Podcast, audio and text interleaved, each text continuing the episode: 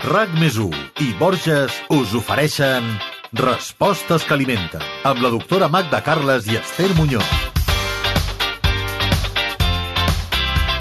Segurament és un dels aliments més habituals al rebost de totes les cases. La tonyina de llauna és un clàssic imprescindible que és present durant tot l'any. És versàtil, és assequible, fàcil de preparar. De fet, les dades diuen que és una de les conserves més consumides al nostre país. Però què aporta realment una llauna de tonyina?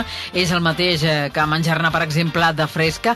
Quins inconvenients eh, ens presenta? És millor en oli o al natural? Aquesta aquestes i altres preguntes es respondran en aquest podcast, el número 82 de Respostes que alimenten, que us acostarà la llauna més popular del cistell d'anar a comprar.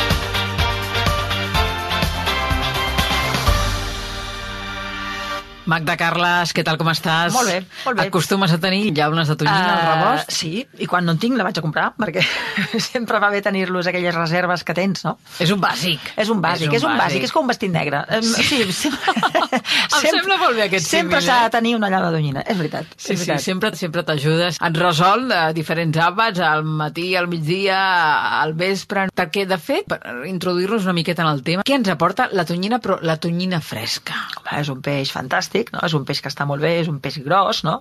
És un peix que ens aporta proteïnes, no? que ens aporta vitamines A i D, Uh, que a més té els famosos àcids greixosos omega-3, que ja saps que són cardiosaludables.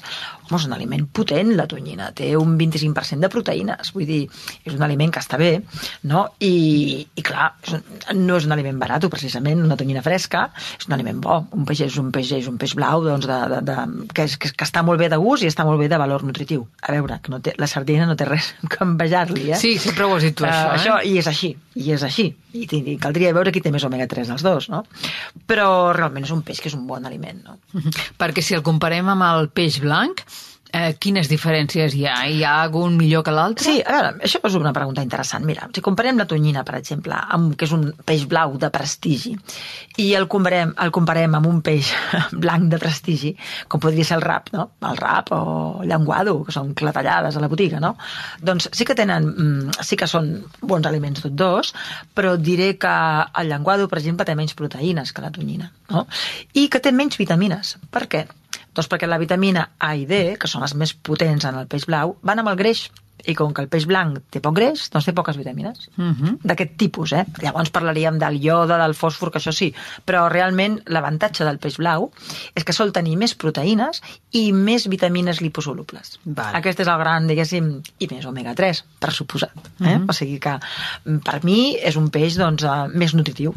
Clar, també és un peix més energètic, òbviament. Si diem Aquesta que té més greix, eh? clar, si el peix blau té més energia perquè té més greix, uh -huh. però també té més nutrients, no? Escolta'm, hem parlat de la tonyina fresca, però Sí. si ara ens referim a la tonyina de llauna, um, què hauríem de dir al respecte? A veure, la, la, la tonyina de llauna doncs és una tonyina, un tros de tonyina, no?, que en principi es cou, no?, es treu l'espina, es treu tot el que, tota la part, diguéssim, que no et menjaràs, perquè càpiga en aquella llauna tan bona que tots comprem, i que es cou i després s'esterilitza. Clar, perquè per això una llauna de tonyina no et dura 10 dies. Quan dura una llauna de tonyina? Pot durar molt, sí o no? I tant, sí, sí. Per tant, Es clar, és un aliment que ja està cuit i està, doncs, doncs, ha passat per un procés tèrmic perquè es pugui conservar. Per Clar. tant, eh, què ha perdut pel camí? Home, ha perdut cosetes, ha perdut cosetes, eh? Ha perdut part dels minerals, ha perdut part de les vitamines, part, eh? Part. Però continua sent un aliment molt interessant. Les coses com siguin. I què, i què ha conservat? Les proteïnes pràcticament, doncs, si, si m'apures, estaran íntegres. Són les vitamines les que aquí pateixen més. A més, també hi ha vitamines del grup B dintre amb el peix, que aquí sí que es perdrien una mica, però es perd part del calci, perquè, clar, quan tu eh, cous un aliment, doncs també hi ha part de l'aigua de l'aliment que també es perd. Si, si t'hi fixes, a la tonyina és una cosa molt seca, en general, Mhm, no? sí. Per tant, hi ha part de, de, de, de nutrients que s'han perdut, però continua sent, mm, repeteixo, un aliment que està bé. Per Està tant, bé. tenim vitamines i minerals que ens, ens acaben arribant. Sí, no tant com el peix fresc, però que ens acaben arribant. I sobretot les proteïnes i l'omega-3. Mm -hmm. Clar. Eh, Sabries dir-nos eh, quantes proteïnes eh, té una llauna de tonyina? Clar, Mira. això surt a l'etiqueta. Clar, o tindria que sortir. Uh, de fet, si una llauna de tonyina d'aquelles rodonetes mones són 50 grams, doncs uns 12 grams de proteïnes. 12 gramets. Està bé. Sí, per això als esportistes els encanta això, la tonyina, si fixes. Estan els, són els locos del pollastre i la tonyina. Mhm. Escolta, Magda, um, hem parlat de coses positives de, de la tonyina, però en té d'inconvenients? Eh, tu en destacaries alguna en especial? Home, clar, com tota la vida té la seva part negativa i què passa? Doncs que aquests peixos grossos, com el peix espasa, el tauró, eh, en fi, etc. doncs aquests peixos eh, tenen molts metalls pesats. Val? Entre ells el mercuri, que és el que més ens preocupa la salut humana. Val? Que el mercuri no ve només de, dels peixos, eh? però els peixos en tenen. I mm, també ve de la combustió, també ve de segons quines reaccions del carbó, etc etc, de la contaminació, el que tu vulguis. Però clar, ara estem parlant del peix. Doncs clar, qui acumula més, més mercuri? Doncs els peixos grossos, per tant, una sardina, tornant, jo que és que soc una fan de la sardina, tornant al peix petit, doncs sempre tindrà menys eh, metalls pesats que, que, que, que un peix gran òbviament. Per tant, sí que té mercuri, però amb unes dosi, òbviament, una tonyina, que, que no passa res, només faltaria, no? Mm -hmm. I sodi, um, en té molt? Aquest és un tema que a mi m'interessa més de llauna de tonyina, perquè, és clar, com tota conserva, doncs té bastant de sodi. És a dir, que té més d'un gram de sodi als 100 grams la tonyina en llauna, i per tant sí que ho tenim que tenir en compte. Una primera norma que tenim que fer és, quan obrim una llauna de tonyina, si ho posem, per exemple, amb una amanida, saps aquella amanida clàssica Sí, de l'amanida... de- l'amanida verda, l'amanida no posis sal ja a l'amanida, perquè és que la tonyina ja porta sal. La llauna de tonyina ja en porta jo, suficient. Jo aquí amb la sal sí que em vull recrear parlant, uh, Esther, perquè aquí tenim un problema. Aquí tenim un problema. De fet, a Espanya es pren 10 grams de sal diaris, quan tindrien que ser 5 grams. Recordem que d'aquests 5 grams de sal, el 40% és sodi, que és l'element que ens, ens xinxa, no? És el 40%. Sí. Per tant, ostres, mm, tots tindríem que mirar-nos una mica amb el consum de sal. I a vegades, clar, com que dius, home, això és un producte saludable, doncs com més millor. Cuidado, perquè això també té els seus inconvenients. I el sodi és un d'ells. Per tant, la tonyina porta sal. Eh? Quan, tu, quan tu fas una cosa en tonyina, una truita de tonyina, un entrepà de tonyina, uh, una amanida en tonyina, no hi posis sal ja. Perquè en té, en té. Molt important aquest missatge, Sí, eh? sí, és que no, no, a vegades quan veiem una cosa que té l'etiqueta de saludable, no pensem que pugui tenir algun inconvenient. I tot té inconvenients, saps? Uh -huh. doncs és tan fàcil com això, com Clar. no posar sal després, perquè Exacte. ja tenim la, la sal Exacte. que porta la llauna. És Eh? com, el mateix que quan poses olives, que em porten més sal, eh? Com tu portes olives amb una amanida, o quan poses bacallà esqueixat, o quan poses un formatge parmigiano, o quan poses, diguem, coses, una, unes anxoves, per exemple, amb una amanida d'aquestes que porten salsa romesco, o una salsa, que ja té, no has de posar sal a l'amanida. És que això és de ABC. saps? De calaix. De calaix. De calaix. Sí. Ens parlaves del mercuri. Parlem ara dels metalls pesants, no? Sí. És cert eh, que aquesta tonyina en llauna també en conté? Sí, en conté, en conté. Que passa que una dosi, clar, per sort, el nostre cos pot... Eh, a veure, si ens féssim, ara que ens agafem un cabell tu i jo, Esther, i ens fem una anàlisi de metalls pesats, ens espantarem de lo que tenim els nostres cabells. Per què? Perquè, clar, perquè tots, tots... A veure, no estem parlant dels microplàstics, no vull ni saber el que hi ha dintre del nostre organisme, que estem prenent de l'aire i de l'aigua i dels Estem aliments. rodejats, envoltats. A veure, és impossible uh, no prendre substàncies que seria millor que no hi fossin. Perquè estem vius i estem en un món que està brut. Que no podem fer res. I no hi podem fer res. Però què passa? El fet de que hi hagi uns nivells d'això no vol dir que aquests nivells ens perjudiquin eh? perquè si no estaríem tots morts. Però bueno, s'ha d'intentar que els nivells siguin els mínims. De fet, s'aconsella que els nens petits no, no prenguin tonyina, per exemple, o una embarassada que no en prengui, clar. És que és així. Res? Consum zero? Consum zero. I els nens petits, quan dius nens petits... Quan quina petits edat? dic a partir que, que comencin a consumir doncs, a partir dels 2-3 anys, esclar. Per què? Perquè, perquè bueno, justament per aquests inconvenients, no? Clar. Aleshores, evidentment que hi haurà metalls pesats, però amb uns nivells que no ens faran res. Això passa amb moltes coses, eh, Esther? Que tenim nivells de, de substàncies que no són bones, però que són uns nivells baixos. Només faltaria. O sigui, no és que hi hagi el nivell zero, passa que són nivells que no ens fan mal. Són normals i No, i que no nostre passa cos no li res, eh? afecta. I podem Saps allò que repetim tantes vegades que tot depèn de la quantitat, de la dosi? Que amb la dosi està el verí, doncs mira aquí, aquí es compleix. Perquè els podem tolerar, no? Clar, Mhm. clar. I, I quins efectes té pels humans un consum, diríem, excessiu de mercuri? Doncs mira, pot afectar el ronyó, pot afectar la pell, pot afectar moltes coses sistèmicament, eh? És, un, és, un, és la immunitat, etc etc. saps? Va haver-hi una afectació, crec que va ser al Japó als anys 90, si no m'equivoco, que bueno, va haver-hi un, un, una, un excés de mercuri en un llac, Minomat, també és el que es diu, uh, i va haver-hi intoxicació de moltes persones que van tindre molts problemes amb això. Però va ser excepcional, perquè hi havia una indústria que vertia, de més, allà uns, un, uns, uns residus que eren molt rics en mercuri, no? Però, repeteixo, els nivells que, que té el peix, si mengem una quantitat raonable de tonyina no passa res. Això no vol dir que, clar, si tu prens cada dia un quilo de tonyina, potser sí que faràs, tindràs algun problema, eh? Això és el que et volia preguntar, Magda. Fa uns dies eh, vaig tenir l'oportunitat de llegir un llibre d'un tecnòleg d'aliments, un Sí. divulgador d'aliments, eh, que deia en el seu llibre que, clar, és veritat que aquestes llaunes de tonyina doncs, són molt recurrents, són molt Sí. pràctiques i que mm, les fem servir qui més qui menys a diari. Comentava això, no? Deia que contenen mercuri i que havia eh, calculat doncs, eh, quin número de llaunes podíem consumir Sí? A la ell? setmana sense problemes.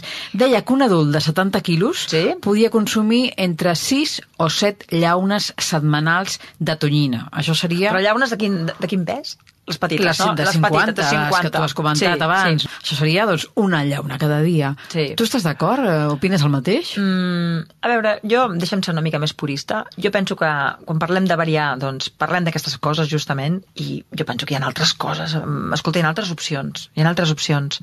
Jo no sóc partidari d'una llauna cada dia, tonyina. Per què? Perquè penso que hi ha altres aliments que, que, que ens poden anar molt bé, no? Per tant, 3-4 llaunes a la setmana, sí, però almenys un dia sí, un dia no. Cada dia jo em nego, Val. de veritat. Amb aquesta regularitat tu Sí. ho veuries bé, no? Sí. 3-4, eh? Sí. Estem parlant Sí. d'adults i, i de... no D'adults i persones no? sanes, sí, sí, pues sí, pues sí. Sí, perquè, ja et dic, és important variar.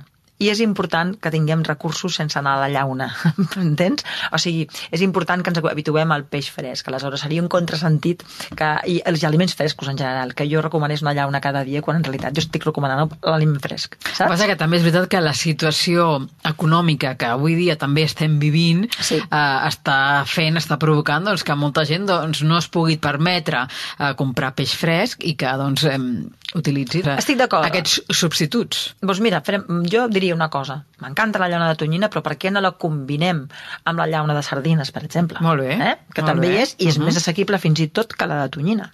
Mm? Doncs aquesta seria també una bona manera d'alternar dos peixos almenys diferents, no? Jo mm, eh, aboco per la, per la variabilitat i penso que tenim prou recursos assequibles fins i tot com per variar una mica més. No, no cal que repetim cada dia el mateix, sincerament. I segons el teu criteri, Magda, com a metgessa eh, nutricionista, Sí. mm, què és millor, l'oli de girassol o l'oli d'oliva? Aquí tenim les dues opcions, les dues vessants, quan anem a comprar a la botiga, al supermercat, eh, per quina et decantes tu? A veure, jo, soc, jo l'oli de girassol evidentment que entra dintre una dieta equilibrada només faltaria, però recordem que el que, el que aguanta més, més l'oxidació i el pas del temps és l'oli d'oliva i també el que té més avantatges cardiovasculars. Per tant, jo, mm, tot i que no em fa res que hi hagi oli de girassol, només faltaria, però jo sóc partidària de l'oli d'oliva. Per suposat que sí. I en escabeig?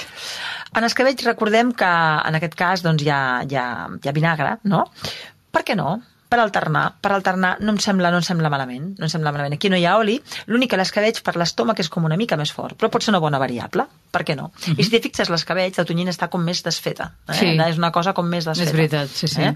Per tant, doncs, jo, mira, variar ho trobo fantàstic. El que és important és que es mengi peix, d'alguna manera o altra, no? Exacte. Hi ha persones que fins i tot eh, es prenen el suc de la llauna. Sí. Com ho veus, això? A veure, el suc de la llauna, si la llauna és de bona qualitat, té que ser oli, oli i sal. Eh? A nivell de lo que s'ha de dir mm, correctament, doncs no passa res si prens l'oli de la llauna. Jo no sóc partidària de prendre els olis de les llaunes. Val? Jo sóc més partidària de, de... A veure, tampoc s'ha Per quin motiu, Magda? No m'agrada les coses que han estat envasades durant molt temps, val? Que, que jo no puc controlar el temps que porta allà dintre, d'alguna manera, no? Per lo tant, doncs, jo m'estimo més aquell oli, doncs, um, perquè així també controlo més quina quantitat d'oli em prenc, etc. Posar-ho tu, eh? Exacte, ho poso jo. jo, jo. Pel gust fins i tot, pel gust fins i tot, perquè a mi, això és molt personal, eh? Perquè a mi m'agrada més el gust de l'oli mm, fresc, de l'oli que jo acabo de posar en aquell moment, i també s'hi posaré l'oli que jo vulgui, perquè la llauna té, té, té un inconvenient, que és que posa la, cada que sigui d'oliva posen l'oli que ells volen. Jo, la majoria de cops acostumo a llançar-lo tot. Clar, jo, aquell. jo francament, No, el, no el consumeixo per més mai. que sigui oli, a mi m'agrada més un oli que jo posi, l'oli del meu ús, no? Totalment d'acord. Escolta'm, eh, hem dit moltes coses sobre aquestes llaunes de tonyina. En resum, eh, tu creus que és un aliment processat saludable? Sí, Sí que és veritat, sí. Igual que t'he dit que jo no menjaria cada dia, sí que és veritat que és un aliment saludable processat. Saps que igual que allò de dir que no tot lo ràpid és dolent? Doncs tampoc tot lo processat és dolent. Hi ha aliments processats que, escolta, són saludables i aquest és un d'ells. Aquest és un d'ells perquè és un peix que guarda les seves qualitats, encara que no siguin íntegrament com tal, que a més és assequible, que a més ens agrada, que té mil preparacions.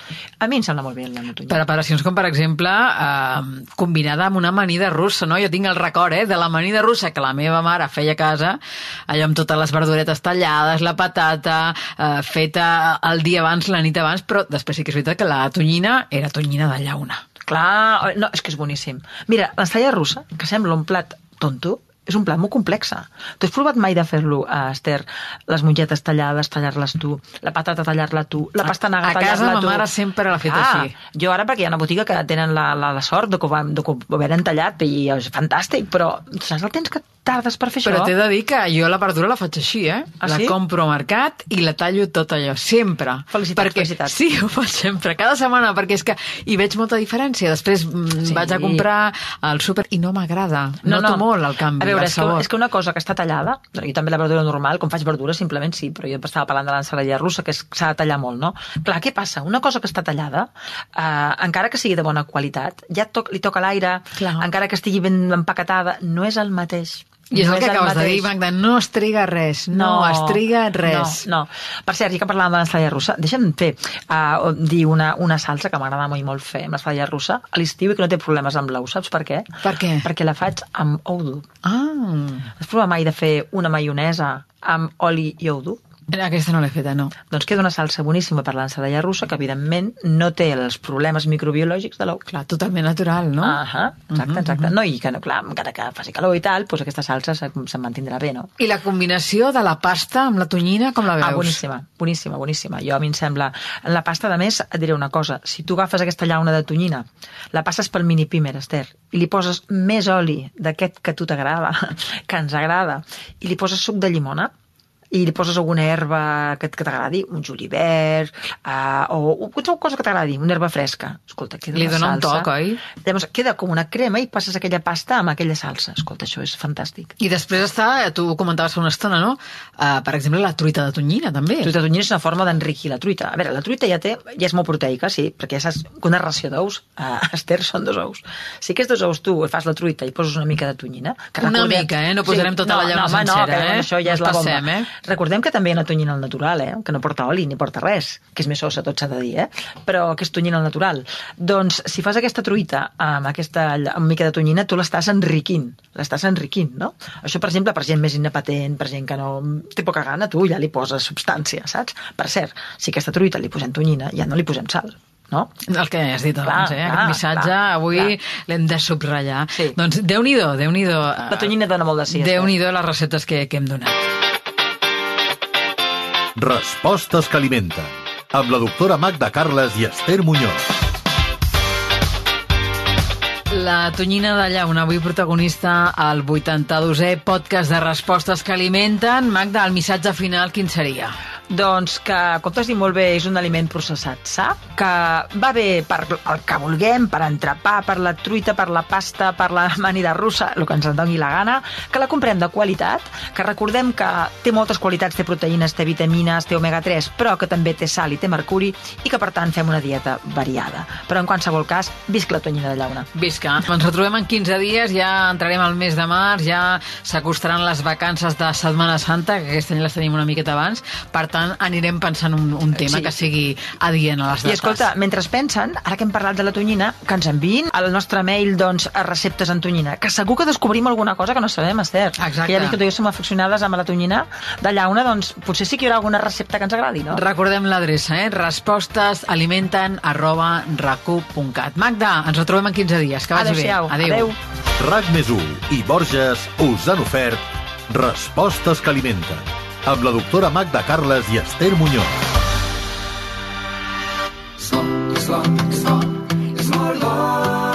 Cuidar-se és el més important. A Borges sempre et portem els productes més naturals perquè cuidem la terra que ens els ofereix i els elaborem de la manera més sostenible possible, com la nova ampolla d'oli feta en plàstic reciclat. Borges. Que bo que és